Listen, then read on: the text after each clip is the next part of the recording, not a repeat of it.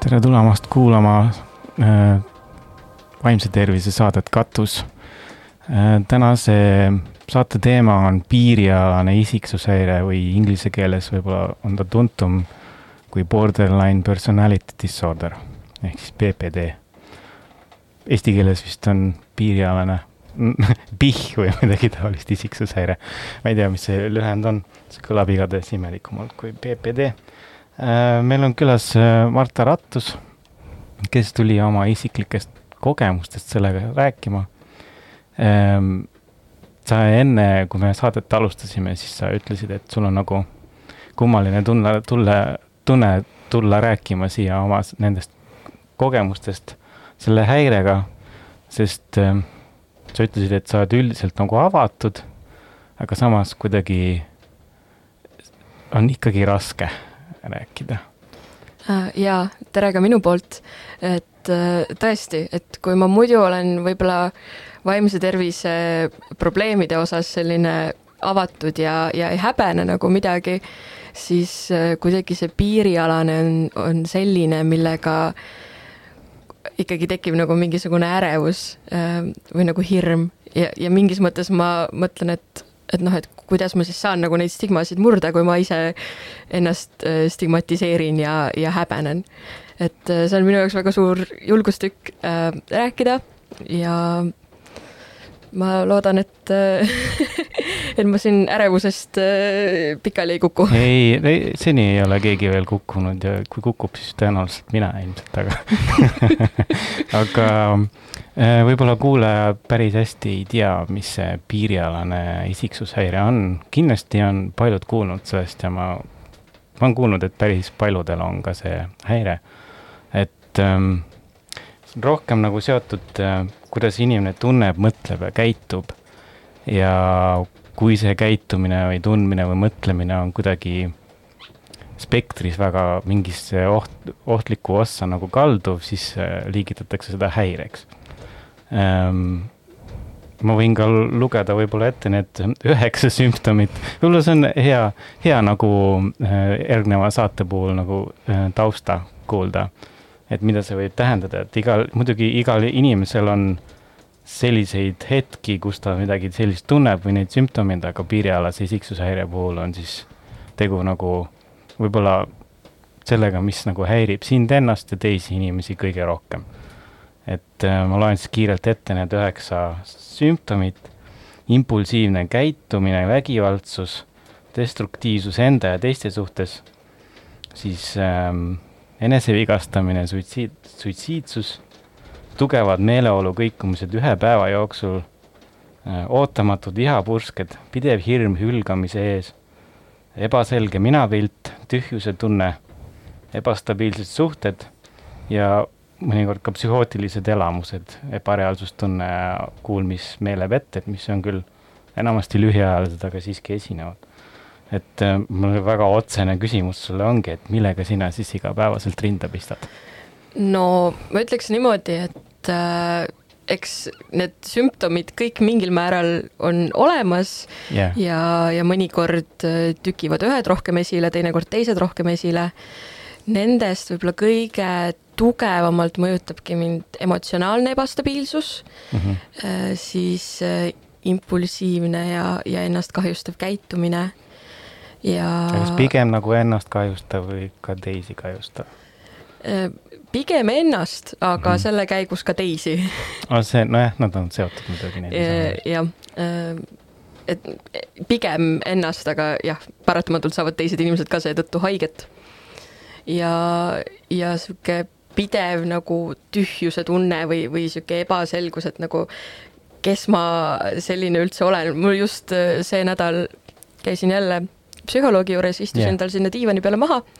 tal on siis... diivan või? sinu psühholoogil on diivan? minu psühholoogil okay. on diivan luksus, okei okay.. ja, ja siis äh, ütlesin talle jälle, et ma ei tea, kes ma olen. Äh, ma ei saa mitte midagi jälle aru ja siis ma mõtlesin, noh, et ma olen sellesama psühholoogi juures käinud vist juba viis aastat nüüd, et kui palju ma olen tema juures seal diivanil istunud ja täpselt sedasama Mhm. juttu rääkinud, et ma ei tea, kes ma olen ja ma ei saa midagi aru, mis minuga toimub ja, ja ma ei suuda nagu mingisugust teed leida.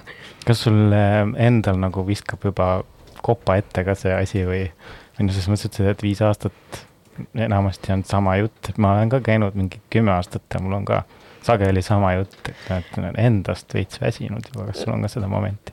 jaa, eks mingi hetk nagu muutub hullult naljakaks ka nagu enda jaoks, mul on niisugune tunne, et ega muud moodi vist ei, ei tulekski toime, kui enda üle nagu nalja ei heidaks, et noh, et et no nii, nüüd on jälle see hetk käes, kus ma pean endal juuksed ära värvima või, või tuka lõikama või ära kolima kuskile, sellepärast et ma ei tea, kes ma olen ja siis ma loodan, et kui ma teen mingisuguse niisuguse muutuse, et siis mul see minapilt on kohe selge ja siis ma tean mm -hmm. täpselt, kes ma olen jälle ja ja kõik on jälle hästi ja noh, tavaliselt see lõpeb niimoodi, et äh, ma ei tea, lõikan endale köögi kääridega tuka ja siis näen natukene aega kole välja, aga seest on ikka tühi tunne.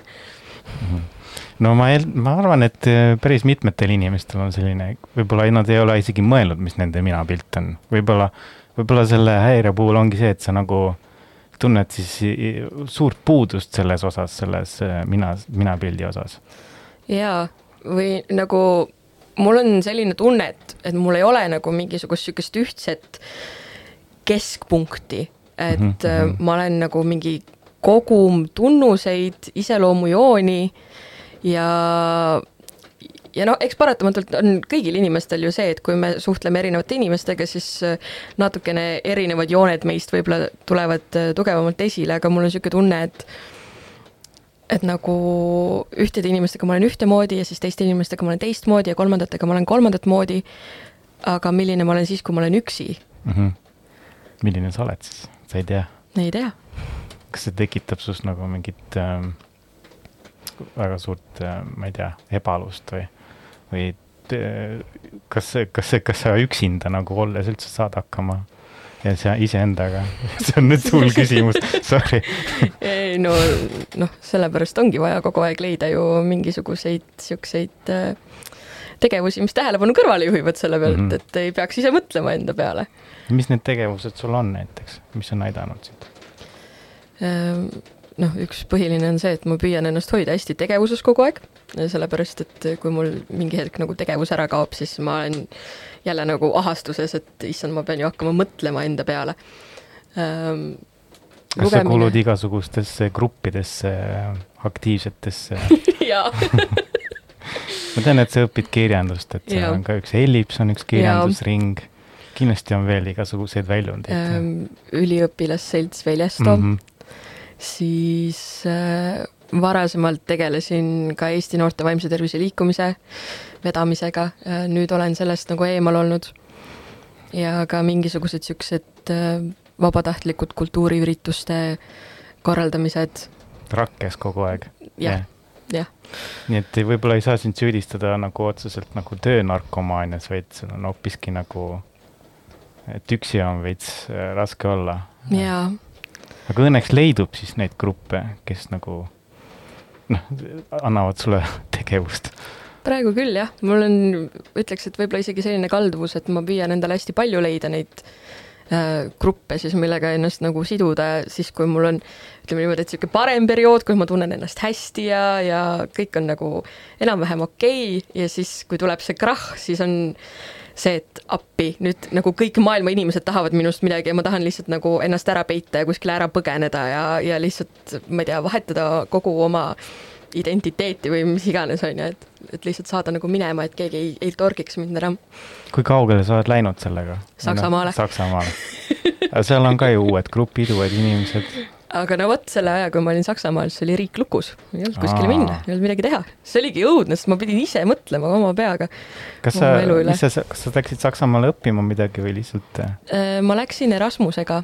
Okay. ja, ja tegelikult see oli ka suhteliselt niisugune impulsiivne otsus või noh, nagu mõnda aega oli see plaan küpsenud, aga kuna parajasti oli pandeemia, siis äh, see oli nagu väga selline küsimärgi all, et kas ma saan minna või ei saa minna ja nagu lõplik nii-öelda kinnitus ja nagu otsus, et ma nüüd lähen, sündis umbes vist kuu aega enne seda, kui ma päriselt lennukisse astusin.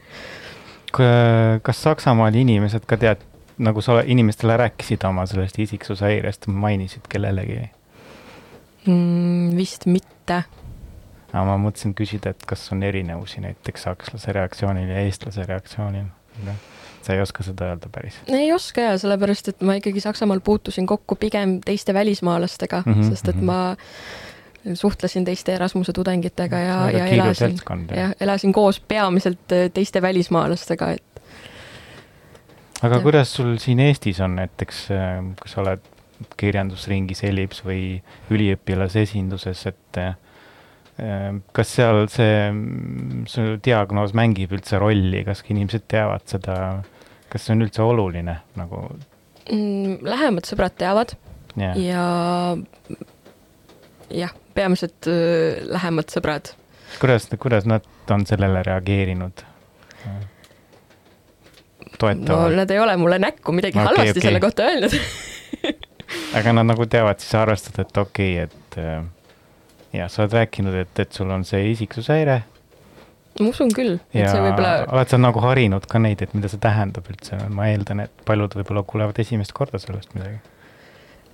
pigem selline, et kui tuleb nagu midagi esile või, või kui ma teen midagi, mis on otseselt tingitud äh, siis mu piirialasest isiksushäirest, et siis nagu noh, eks ikkagi natukene seletan võib-olla või siis, kui mul on mingisugune niisugune suurem ähm, kriis, mille käigus võib-olla inimesed saavad natukene teenimatult verbaalselt peksa, siis, äh, siis kui ma nii-öelda mõistusele siis tulen, on ju, jutumärkidega, et äh, siis ma nagu püüan kuidagi nagu seletada seda, seda lahti teiste jaoks, aga otseselt nagu niimoodi, et ma nüüd istutan oma sõbrad kuskile maha ja hakkan neile loengut pidama sellest, on ju, et noh, mida see kujutab, et ilmselgelt niisugust asja ei ole teinud. kas nad on olnud siis nagu mõistvad pärast seda noh, sa ütlesid verbaalne peks, et ja siis sa seletad, et noh, et palun vabandust, et mul on selline värk, et noh, et läks käest ära, eks ole. kas ja. nad enamasti nagu annavad andeks või? pigem jaa, vähemalt siiani on olnud, aga noh, eks äh, varasemalt on olnud küll nagu sõprussuhteid ja ka romantilisi suhteid, mis on noh, vähemal või, või, või rohkemal määral äh, sellest tingituna lõppenud. aga mis oleks näiteks äh, nojah, siin on selles nende sümptomite või ma ei tea, kategooriate all on siin ka, et noh, et äh, on raskus luua võib-olla püsivaid suhteid nii sõprade kui, kui romantilises mõttes. et ähm, kas sa praegu tunned sellest puudu, ma mõtlen näiteks sõprade osas eriti et või on, on sul olemas nagu piisavalt püsiv, et sa tunned, et sul on seljatagune olemas oh,? see on raske küsimus. ma ei taha kedagi su sõpradest nüüd äh, nii-öelda kuskile pliidile panna või? ei, ei, ei, um.... noh, üldine vastus võib-olla.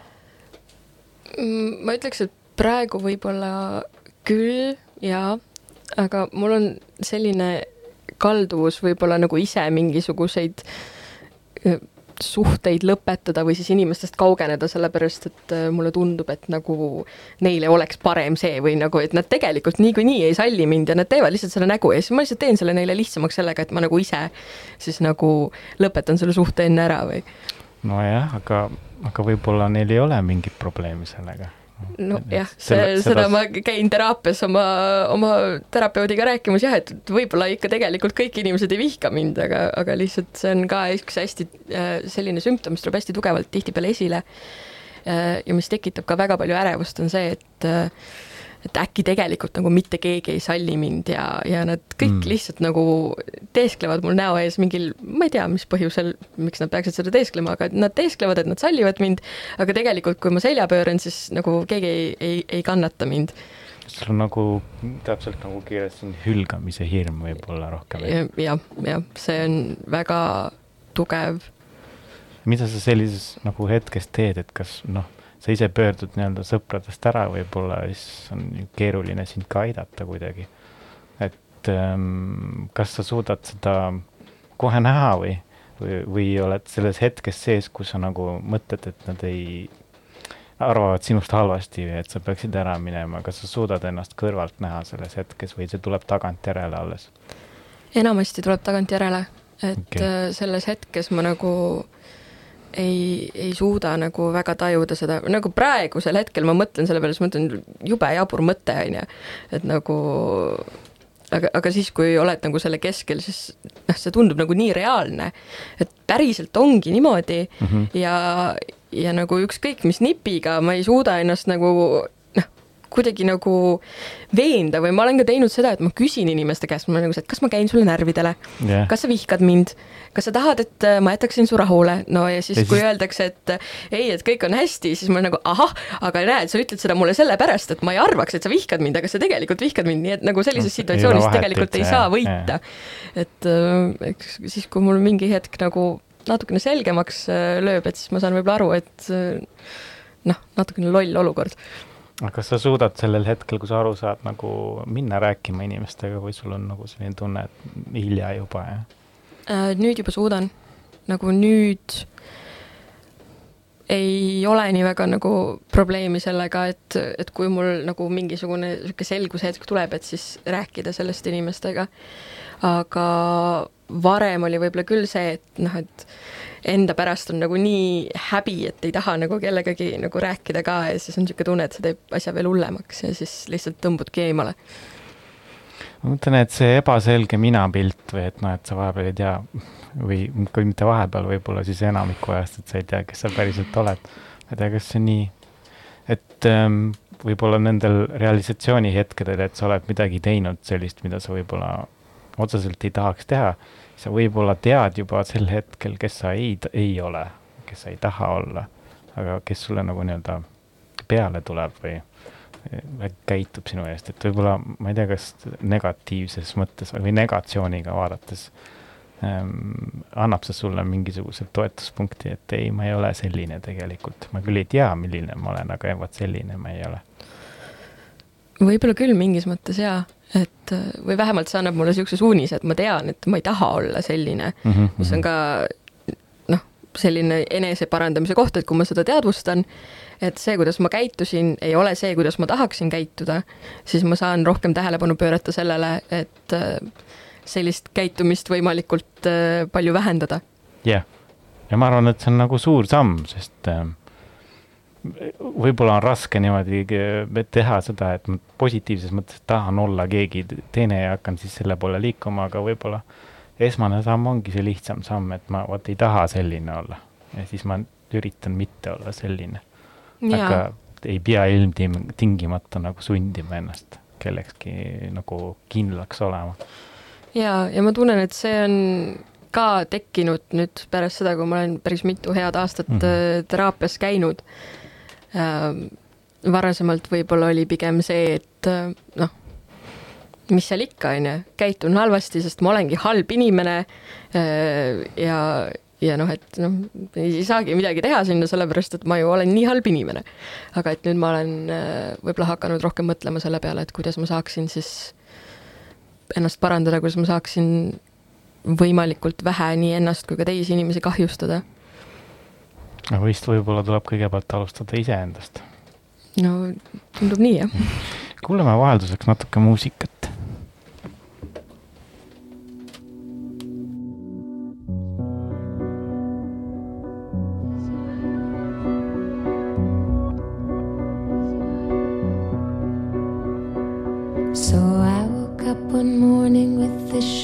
sleeping in my bed. His voice was soft and solemn, but the teeth were rotting out his head.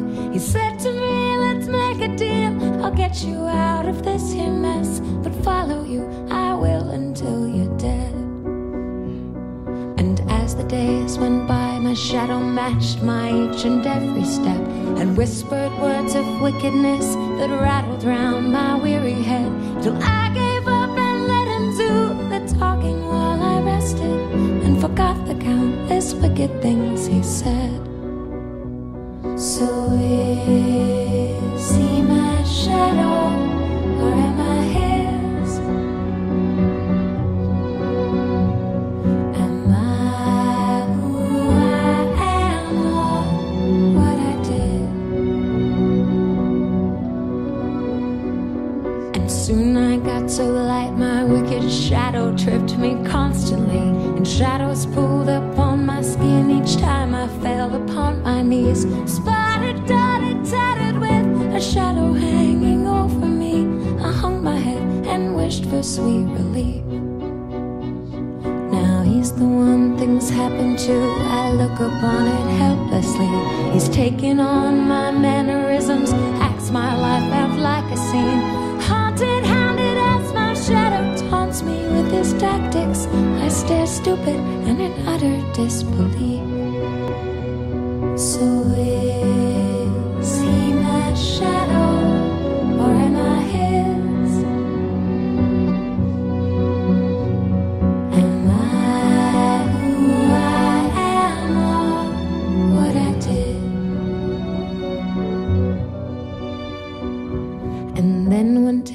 Turned around and found my shadow missing. It was worse than that first moment when I woke up lying next to him. Have I been dreaming this whole time? I asked her, no one listening, and a shudder rippled through my chest like lightning.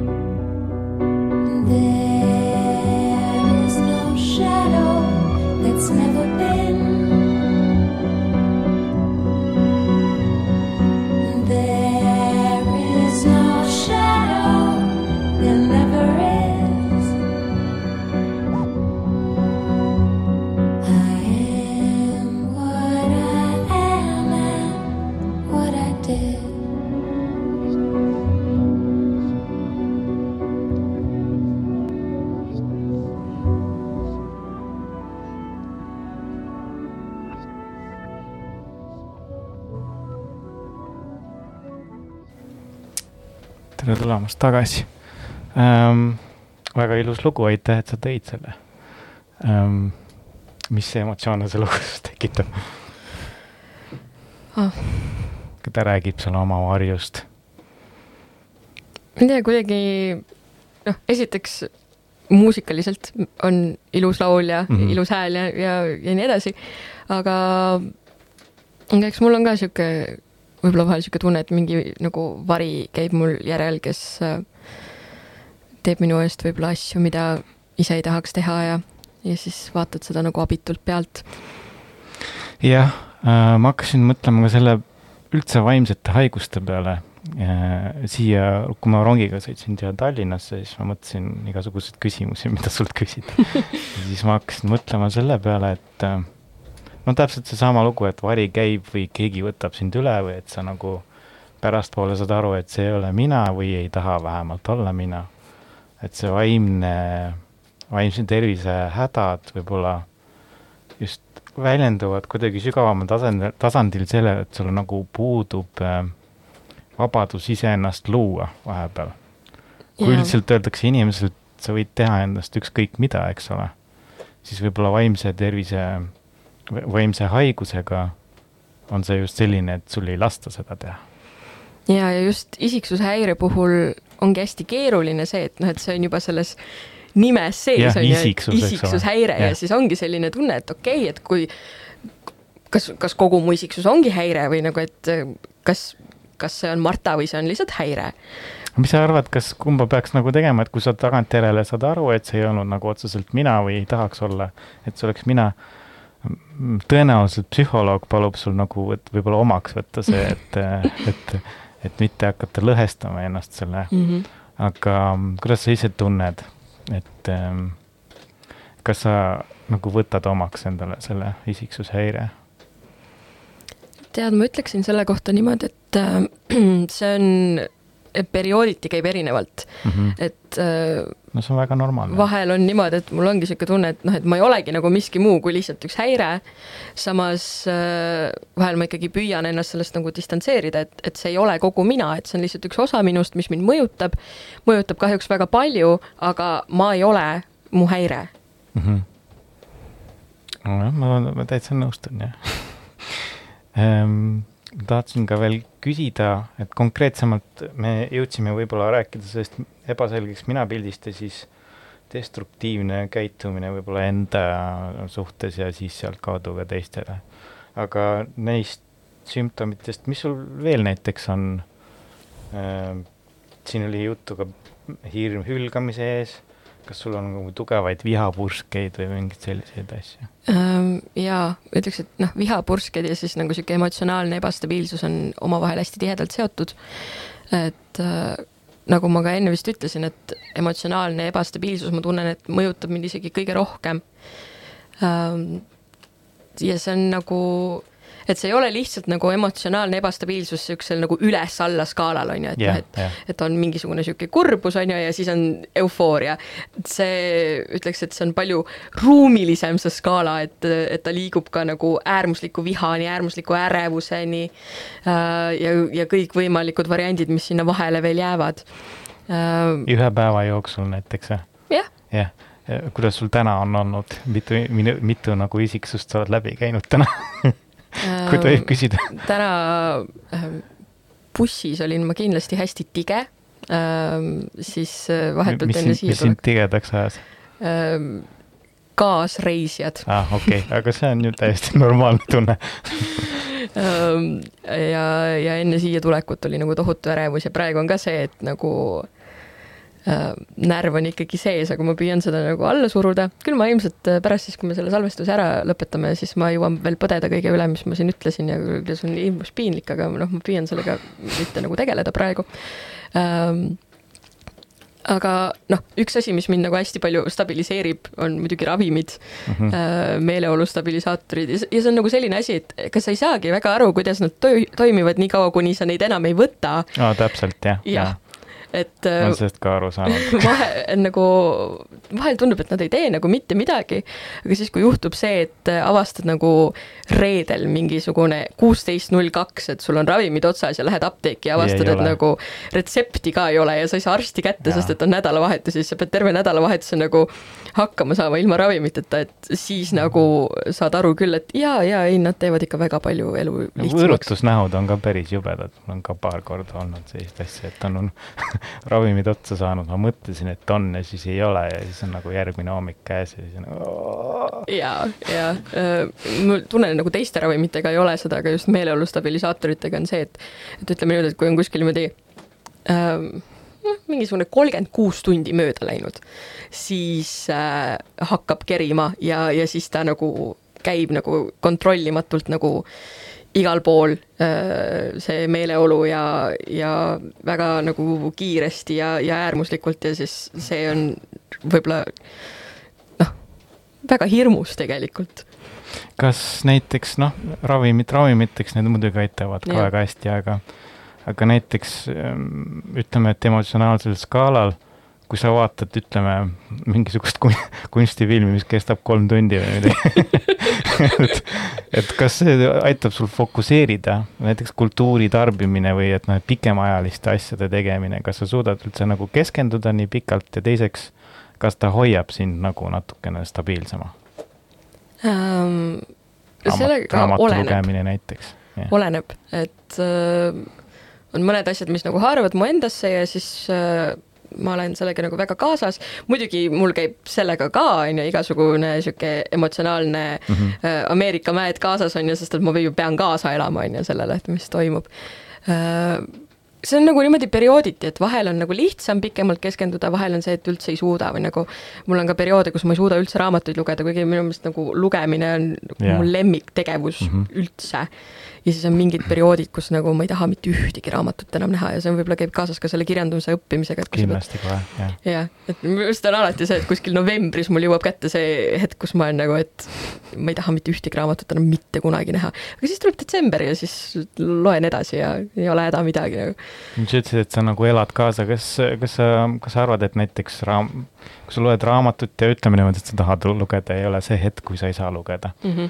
Ja sa elad metsikult kaasa selle raamatuga, sul tunne nagu, et võib-olla sa, sa saad nagu rikkama kogemuse sellest, kui muide võib-olla mõni teine inimene. vaat see on siis, kui ma suudan endas selle kirjandusteadlase välja lülitada. Okay,, Äh, sellega on mul on ka sihuke tunne, et mida rohkem nagu õpid, seda rohkem äh, võib-olla see raamatu lugemine ähm, saab nagu mõjutatud siis, siis sellest, et sa nagu mõtled ja analüüsid samal ajal, aga, aga püüan nagu selle välja lülitada ja ma olen hästi noh, emotsionaalne ka siis, kui ma loen raamatuid või kui vaatan filme, siis ma nagu nutan kogu aeg okay., ma hakkan väga kergesti nutma mingeid filme, raamatuid äh, lugedes, vaadates, et äh, kinos võib-olla eriti, sest ma ei tea, mul. No seal on õnneks pime.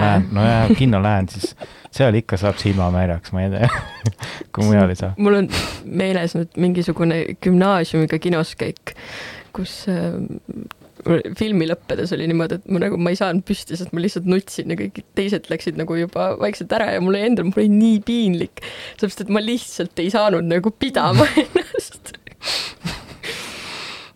Okei okay., no kirjandus tähendab, kas sa oled nagu alati raamatukogi olnud või, või mil- mis ajast nagu see tõsine nagu armastus raamatute vastu tekkis? mm,. eks ma olen kogu aeg olnud selline raamatuhuviline, et kodus oli suur raamaturiiul ja, ja siis ma äh, ikka käisin ja vaatasin ja üritasin lugeda, ise veel ei osanud, aga lugesin ikka. okay., Ehm, teismeeas ma põgenesin hästi palju raamatutesse. ma praeguseks enam isegi ei mäleta nagu, mida ma lugesin. suurem osa nendest raamatutest on täitsa meelest läinud. eks see oli mingisugune sihuke teismeliste vampiirikirjandus tõenäoliselt, ajastu vaimule kohaselt ähm,. sa viitad ühele kurikuulsale raamatusarjale. ja selle lugematutele koopiatele okei, ähm, jah, et hästi palju põgenesin nagu raamatutesse ja siis mingi aeg kadus see nagu ära, et üldse ei tahtnud lugeda ja, ja eks ma vahepeal käisin ja tegin teisi asju ja õppisin teisi asju ja siis kui mul oli järjekordne suuremat sorti eksistentsiaalne kriis, siis ma leidsin endas, et ei, ma tahan ikka kirjandust õppida ja läksin kirjandust õppima ja eks mul ka selle kirjanduse õppimise jooksul on olnud mingisugused siuksed hetked, kus ma olen nagu, et ei, ma võtan eksmati ja ei tee seda rohkem ja põgenen ära, no see sihuke põgenemise refleks on ikka kogu aeg sees. aga, aga võib-olla ma tunnen, et nüüdseks on tekkinud mingisugune sihuke kinnisidee, et ma tahan sellega tegeleda, ma armastan seda, mida ma teen, ma tahan saada kirjandusteadlaseks ja võib-olla mm -hmm. see nagu selles mõttes aitab, et ma nagu klammerdun selle külge, et ei, see on ju see, mida sa tahad ja nüüd nagu noh, pane nüüd edasi, on ju, et siis, kui on jälle see tunne, et ma tulen ülikoolist ära ja ma ei tea, põgenen kuskile. mitu aastat sa oled õppinud nüüd juba kirjandust? Äh, kirjandust läheb neljas aasta praegu, üritan baka sel aastal ära lõpetada, väga tore, ma soovin sulle edu sellega. aitäh. natuke on aega veel muidugi. jaa kas, kui sulle öeldakse, et sa oled kirjandustudeng, kas, kas see on sinu jaoks nagu positiivne enesemääratlus? kas see on, annab sulle võimaluse nagu äh, öelda, et okei okay,, mul on, minapilt on ebaselge, aga okei okay,, ma olen e- kirjandustudeng. see on võib-olla jah, üks asi, millega ma suudan haakuda nagu ennast kirjeldades, või nagu minu jaoks on täiesti kohutav see, kui keegi ütleb, et kirjelda ennast kolme sõnaga, see on nagu Jah. kõige hullem küsimus, mis sa saaksid mult üldse Jah. küsida, ma olen väga tänulik, et sa ei alustanud sellega. ma hullult kartsin, et äkki sa ütled, no et tutvusta ennast natukene ah, õudne. Aga noh, siis sa võid öelda, et mul ei ole kolme sõna, mul on üks sõna, ma olen kirjandustudeng. jah, ja ei, võib-olla sihuke kirjandustudengi identiteet on, on üks selline, mis on jah, võib-olla püsivam olnud nüüd mõned aastad ja, ja millest ma haaran ehk rohkem kinni. Äh, kui me juba räägime siin raamatutest ja filmidest, eks ole, siis noh, ma lugesin kooliklassikakirjanduses on see Stepihunt mm. -hmm. Herman Hesse. Selle peategelast Harry Hallerit nagu sageli määratletakse kui piirialase isik, isiku, piirialase isiksuse häirega nagu tegelane. Kas sa arvad, et see on adekvaatne? no vot, nüüd ma pean siin endale häbi tegema ja tunnistama, et ma ei ole seda lugenud. aa, see ei ole mingi häbi, absoluutselt, mida rohkem sa kirjandust õpid, seda rohkem sa aru saad, kui palju sa peaksid nagu tegelikult lugema, ja, Aga- ja kogu aeg on lihtsalt see, et uh, too many books, too little time. ma võin siis ise ka öelda, et ma ei ole näiteks lugenud Kuritööd ja karistust. ma ei ole seda ka lugenud. aa, vot tore, siis me kuulume klubisse. jah äh,, aga mõned teised teosed, mis sul on silma jäänud, noh, kasvõi filmidest või raamatutest, mis äh, justkui peaksid siis kujutama piirialast isiksushäiret või on sulle kuidagi korda läinud selles osas? mm, ma mõtlesin selle peale, et kas mul tuleb mõni raamat pähe ja raamatuid ei tulnud nagu niimoodi pähe, mis võiks nagu kuidagi piirialase isiksushäirega olla seotud. aga ma mõtlesin ühe sarja peale, milles ma olen hästi palju tundnud äratundmist um,. see on äh, siis Fleabag, mis mm, mm, okei, jah. eestikeelse pealkirjaga oli vist ETV-s must Must lammas, jah, see oli kohutav, selles mõttes, et nagu ma vaatasin, et see ETV kava ma väga harva vaatan mm Mhm. -hmm. televiisorit, aga kui ma maale satun, siis, siis ma ikka vaatan. ja siis oli nagu, et noh, et hakkame õhtul siis vaatama mingit must lammas, ma mõtlesin, mis Mm. asi see veel on, ja siis on nagu, hakkame vaatama, aa, Fleabag, okei jaa, see on äh, üks selline sari, kus noh, ega seda nagu ei, ei öelda, et tal oleks piirialane häire, aga ma äh, tunnen äh, temas, selles peategelases siis hästi palju iseennast ära mm. -hmm. ähm,. just ennast nagu mingi sellest perioodist, kui see sari välja tuli. ehk siis mingisugune neli aastat tagasi. seal on kindlasti tegemist traumaga, eks ole, tal oli vist ema kaotamine oli. Äh, sõbranna, parima sõbranna sõbranna, vabandust, mul läks, aga, jah, aga emaga ei olnud. ema oli ka oli- surnud, aga aga see ei olnud seal nagu oli nii veel see üks nõme, nõme uus naine oli isa, okei. ühesõnaga, nojah, see, ma arvan, et see kogu see sari tegeles ühe mingi mm, trauma nagu, traumast ülesaamisega. mm. -hmm. et ähm, no trauma käivitab igasuguseid vaimseid ähm, häireid äh, ja probleeme. ma ei hakka sind pinnima, mis traumad sul on olnud, aga, aga sa võid üldiselt võib-olla, kas sa saad öelda, et äh, sa oled nagu tagasi mõelnud sellele, et mis sind võis mõjutada kunagi kauges minevikus või Ähm, võib-olla üks selline asi, millele ma hakkasin mõtlema alles palju-palju hiljem, siis kui see äh, trauma oli juba möödas, oli äh, üks äh, inimene mu elus, kes mm -hmm. äh, väga palju nagu tegi mind maha või püüdis olla kogu aeg minust kuidagi parem ja seda mulle öelda, kuidas ta on minust kõigega parem ja ja ma, ma arvan, et võib-olla mingisugused siuksed äh, enese äh, nagu ebaselge minapildi äh, teemad või, või sihuke enesekriitika, tohutu enesekriitika.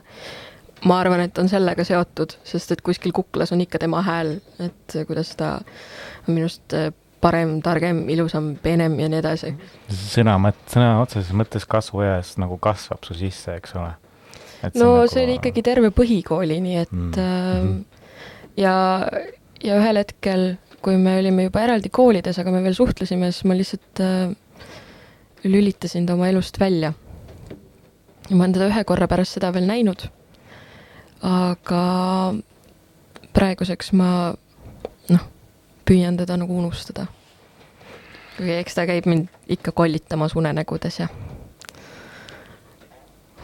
kas sul oli tol hetkel nagu minna oma tunnetega kellegi juurde? või sa nagu võib-olla selles asjas sees olles isegi ei teadvustanud endale, mida ta sulle teeb?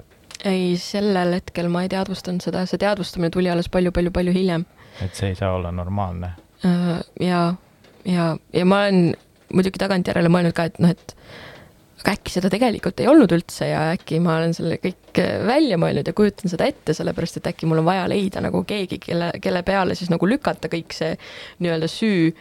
aga, aga nii palju, kui ma olen nagu rääkinud noh, oma emaga sellest, võib-olla ka nagu sõpradega, kes on äh,, kes nagu mäletavad mind sellest ajast, siis ma olen noh, mingil määral saanud ikkagi kinnitust, et, et ikkagi oli küll niimoodi. kuigi noh, ma ei välista seda, et äh, ma ka sellele isikule väga palju haiget teinud tõenäoliselt tegin. okei okay., et see on nii-öelda, öeldakse uus, uue sõna toksiline suhe. jah, väga selline toksiline sõprussuhe. aitäh, et jagasid seda. Ma lasen muusikat natuke, olgu. Picture me better. I finally found the time to write you this letter to the stars and moon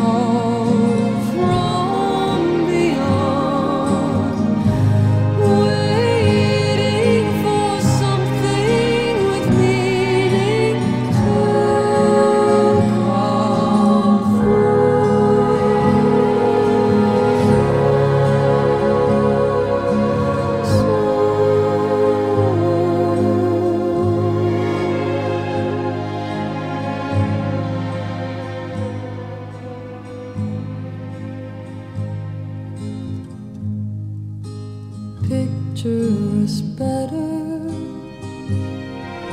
We finally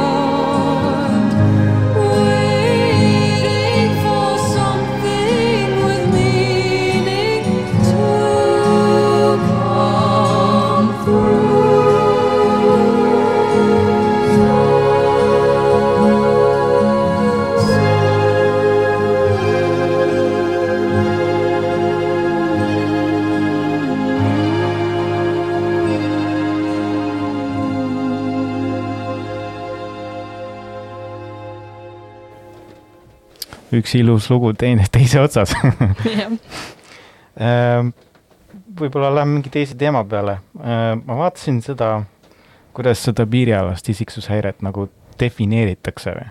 Eesti keeles oli väga huvitav, et, et kui tegemist on tugevate kõrvalekalletega antud kultuuris keskmise inimese tajumise, mõtlemise tunnete ja eriti suhete laadist, nimetatakse seda isiksushäireks. ehk siis seal on mingi oma kultuuriline aspekt ka. ma lugesin, et nagu erinevates riikides natukene erineb selle dia-, diagnoosimine.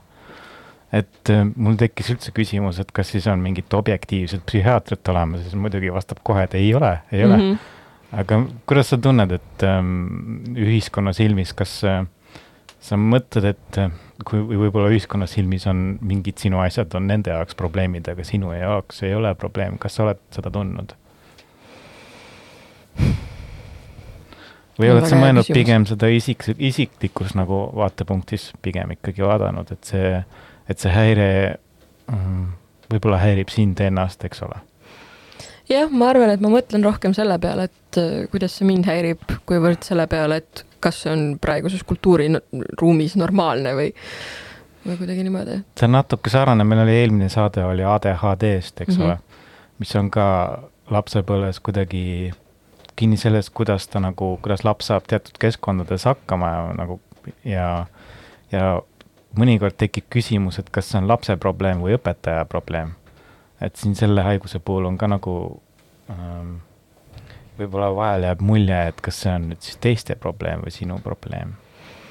võib-olla mingid ähm, aspektid sellest küll, aga ma ei, ma ei lükkaks seda nüüd nagu täiesti kuidagi ühiskonna kaela.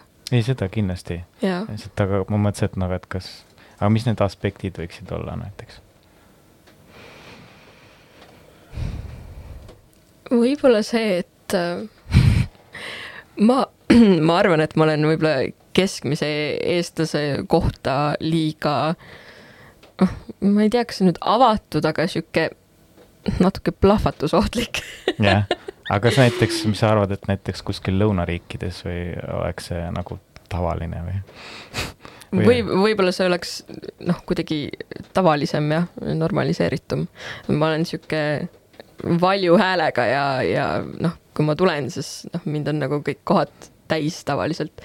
ja see on ka üks asi, mille peale ma olen viimasel ajal mõelnud ja järjekordne sihuke äh, noh, ega, ega nendel asjadel ei tule nagu lõppu, mille pärast ennast nagu närida ja, ja mm. -hmm. ja peksta, on ju, et noh, et miks sa oled selline. et äh, ma olen kuulnud inimestelt, kellega ma olen saanud nagu päris headeks sõpradeks, et nad kartsid mind, kui äh, nad minuga kohtusid, sest et ma olen hästi intensiivne. ja ma arvan, et, et võib-olla see jah, tuleb nagu hästi teravalt siin keskmise introvertse eestlase nagu kultuuriruumis äh, esile. teravamalt esile kui näiteks Jah. kuskil Mehhikos võib-olla. jah, et võib-olla nagu jah, muidugi ma nüüd teen mingi stereotüüpe, et mehhiklased on kuidagi, noh, ma ei tea, olgu. Lõuna-Euroopas. jaa lihtsalt teine temperament võib-olla see on ikkagi, on üsna nagu jah, reaalne asi, aga ähm, aga näiteks, kui sa õpid kirjandust ja käid loengutes või seminarides, kas sul on kuidagi tunne, et ka seal on äh, kuidagi, oled esil või, või ei sobitu mõnikord või no tekitab mingisuguseid jamasid? mul on see probleem, et mulle meeldib õppejõu küsimustele vastata. See ei ole üldse mingi probleem muidu iseenesest. see on ebatavaline, sellepärast et küll, jah. tavaliselt ei ole nagu Odikas väga palju neid inimesi, kes äh, tahaks küsimustele vastata. nojah, aga nagu mis, mis see, mis see parem variant on, siis istume tummalt lihtsalt ja mingi õppejõud küsib ühe küsimuse ja siis kõik on vait lihtsalt. ei no ma olen, ma olen selles suhtes nõus, et noh, et ikkagi võiks nagu mingisugune diskussioon äh, tekkida. ma olen mõelnud selle peale ka, et äh, kui ma praegu nagu kirjandust õppides, ma olen ikkagi ennast väga palju tagasi tõmmanud selles osas, et äh, kui võib-olla plahvatusohtlik või ma ei saa isegi öelda diskussioonialdis, vaid pigem sihuke noh, et hammas on verel, et tahaks vaielda hullult. Mhm. et siis, kui ma äh, õppisin teist asja enne seda, siis mul oli nagu selle kontrollimisega oluliselt rohkem raskusi, aga noh, siis ma olin ka noorem ja siis ma ei olnud nii palju teraapias käinud. Et äh, praegu ma ikkagi noh, suudan ennast mingil määral kontrollida, et ma ähm, ei hakka võib-olla kohe vaidlema, et suudan piirduda ainult mõne sarkastilise remargiga ja okay., ja minna oma eluga edasi. Sa- sageli võib-olla kirjanduse puhul ei, ei olegi seda nagu vaidlemist, et kellel õigus on ja kellel vale on. nojah see on diskussiooni hoidmine on põhimõtteliselt nagu lihtsalt tõlgendamine mm, -hmm. mm.. Et kas sulle tundub, et võib-olla kui sa nagu vaidlemise teed lähed, et kas see, kas teised nagu suudavad sellega kaasa tulla üldse noh, et, et võib-olla see võib ka olla tead, mul on selle vaidlemisega vahel lihtsalt see, et nagu noh, hullult on nagu hammas verele, tahaks nagu täiega lihtsalt vaielda. siis ma püüan ennast nagu hullult tagasi hoida, siis mul nagu see, et noh, sellel ei ole mõtet nagu, et see ei vii mitte kuskile.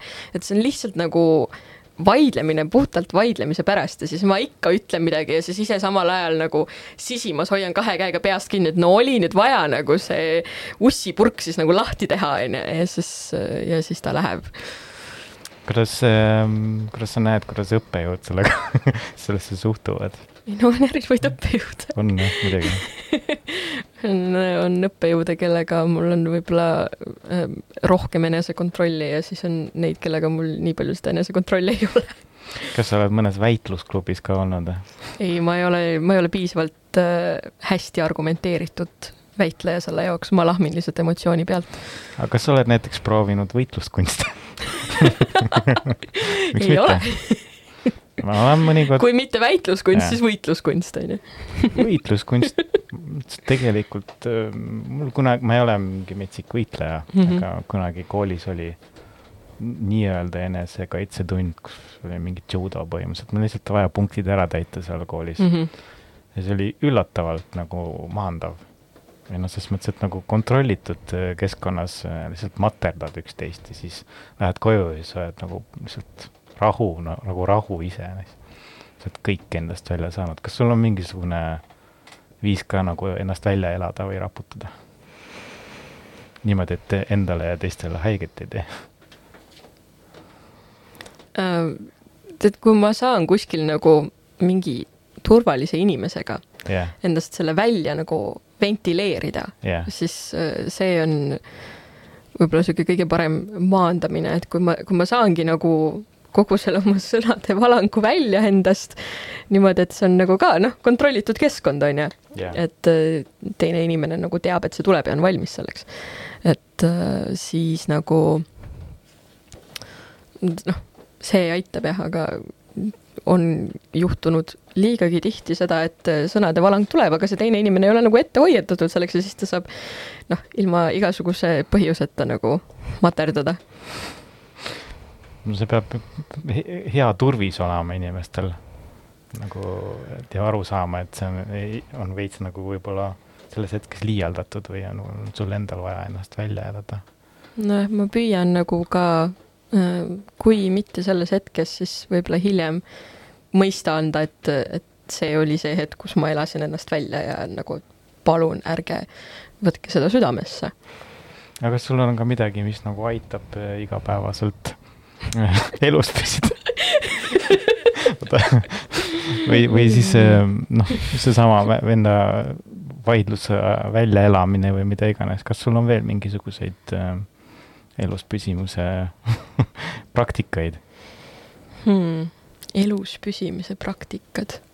Kas sa tegeled, ma ei tea, hingamisega näiteks või selles mõttes, et kusjuures tead, selle hingamisharjutustega on niisugune asi, et äh, mina ei saa aru, kuidas nad töötavad, sest minu puhul nad töötavad niimoodi, et see ajab mul ärevuse veel kõrgemaks.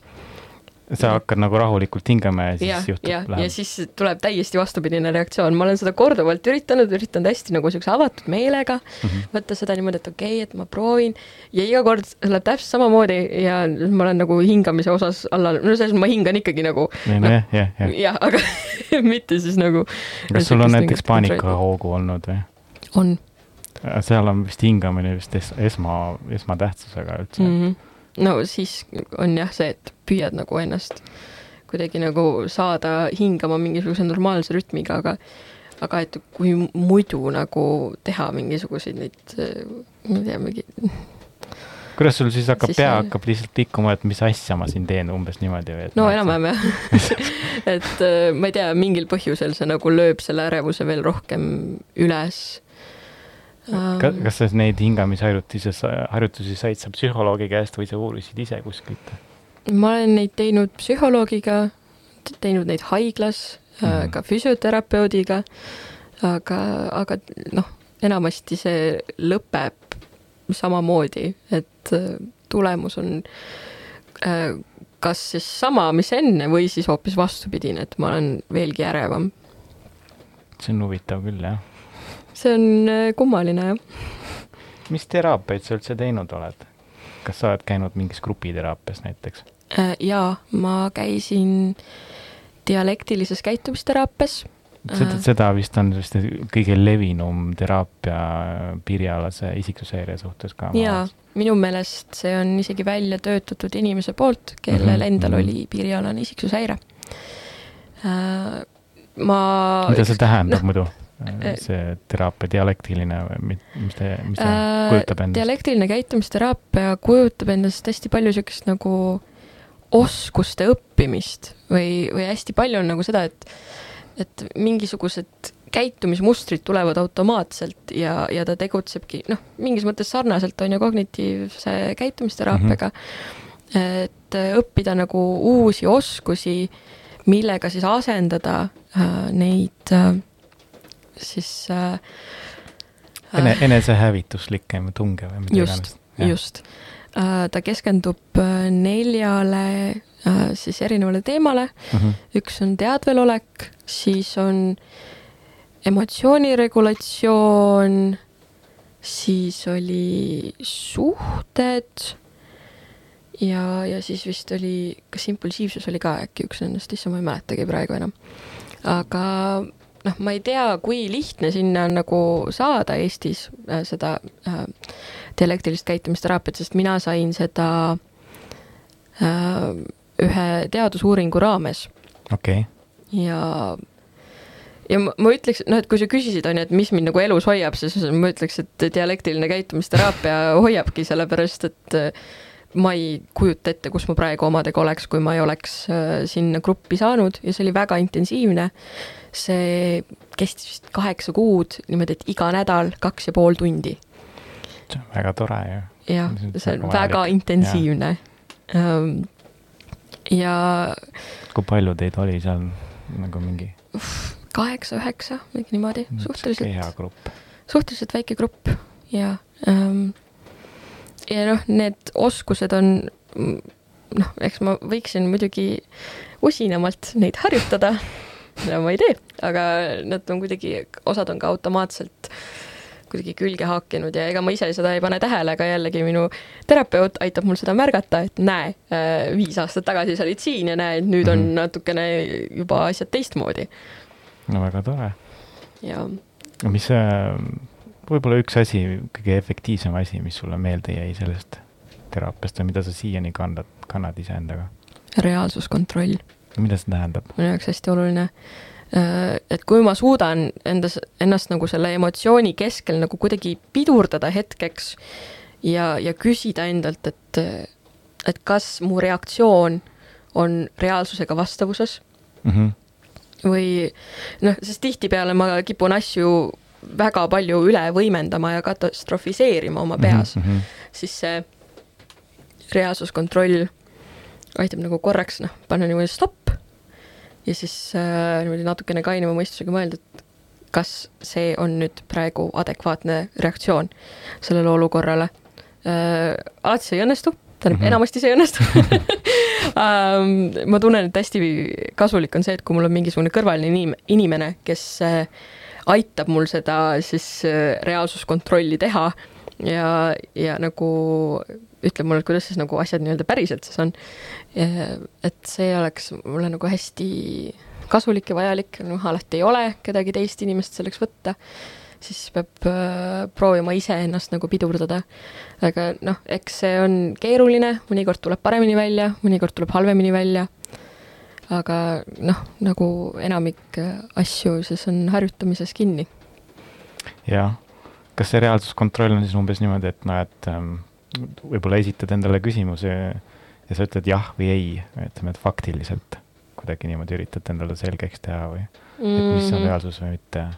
jaa sest et noh, on nagu tihtipeale niimoodi, et on mingisugune hästi väike impulss, mis vallandab nagu niisuguse tohutu katastrofiseerimise laine mm, -hmm. mis nagu võib minna täiesti äärmusesse ja, ja tihtipeale selle käigus ma omistan näiteks teistele inimestele mingisuguseid arvamusi või, või hoiakuid, mis noh, ei pruugi tõele vastata, sest ma ju ei tea, sest ma ei näe selle teise inimese sisse ja siis ongi nagu see hetk, kus ma saan küsida ennast, kas ta on seda öelnud, kas ta on seda väljendanud. kas ta on seda sõnaliselt väljendanud, kui mul, sest mul peas tahaks ju nagu vastu vaielda, jaa, aga sellest hoiakust tuleb ju välja, et ta ju tegelikult täiega vihkab mind ja noh, nagu niimoodi, et äh, sa alati leiad tagasitee sinna nii-öelda noh, sellele kinnismõttele. oi, absoluutselt, absoluutselt ja siis äh, peabki püüdma seda kuidagi pidurdada, et noh, et aga kui keegi ei ole sulle ju otseselt öelnud, et nad vihkavad sind, siis äkki nad ei vihka seda mm. või? meil hakkab aeg vaikselt mm -hmm. otsa saama. Äh, ma küsiks ühe viimase küsimuse. selline lihtne, et äh, mida sina ütleksid inimesele, kes äh, sai selle diagnoosi näiteks alles eile või soovitaksid? ma, ma arvan, et mu number üks soovitus on see, et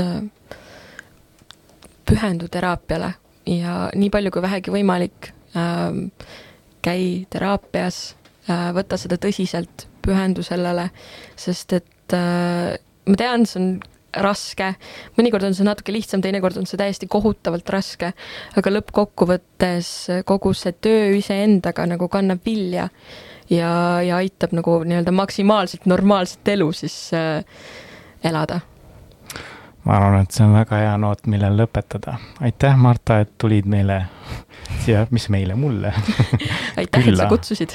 jah, ja näed, oled elus, ei ole veel ärevusest ära surnud. veel ei ole, jah aga aitäh kuulamast ja kuuleme järgmine kord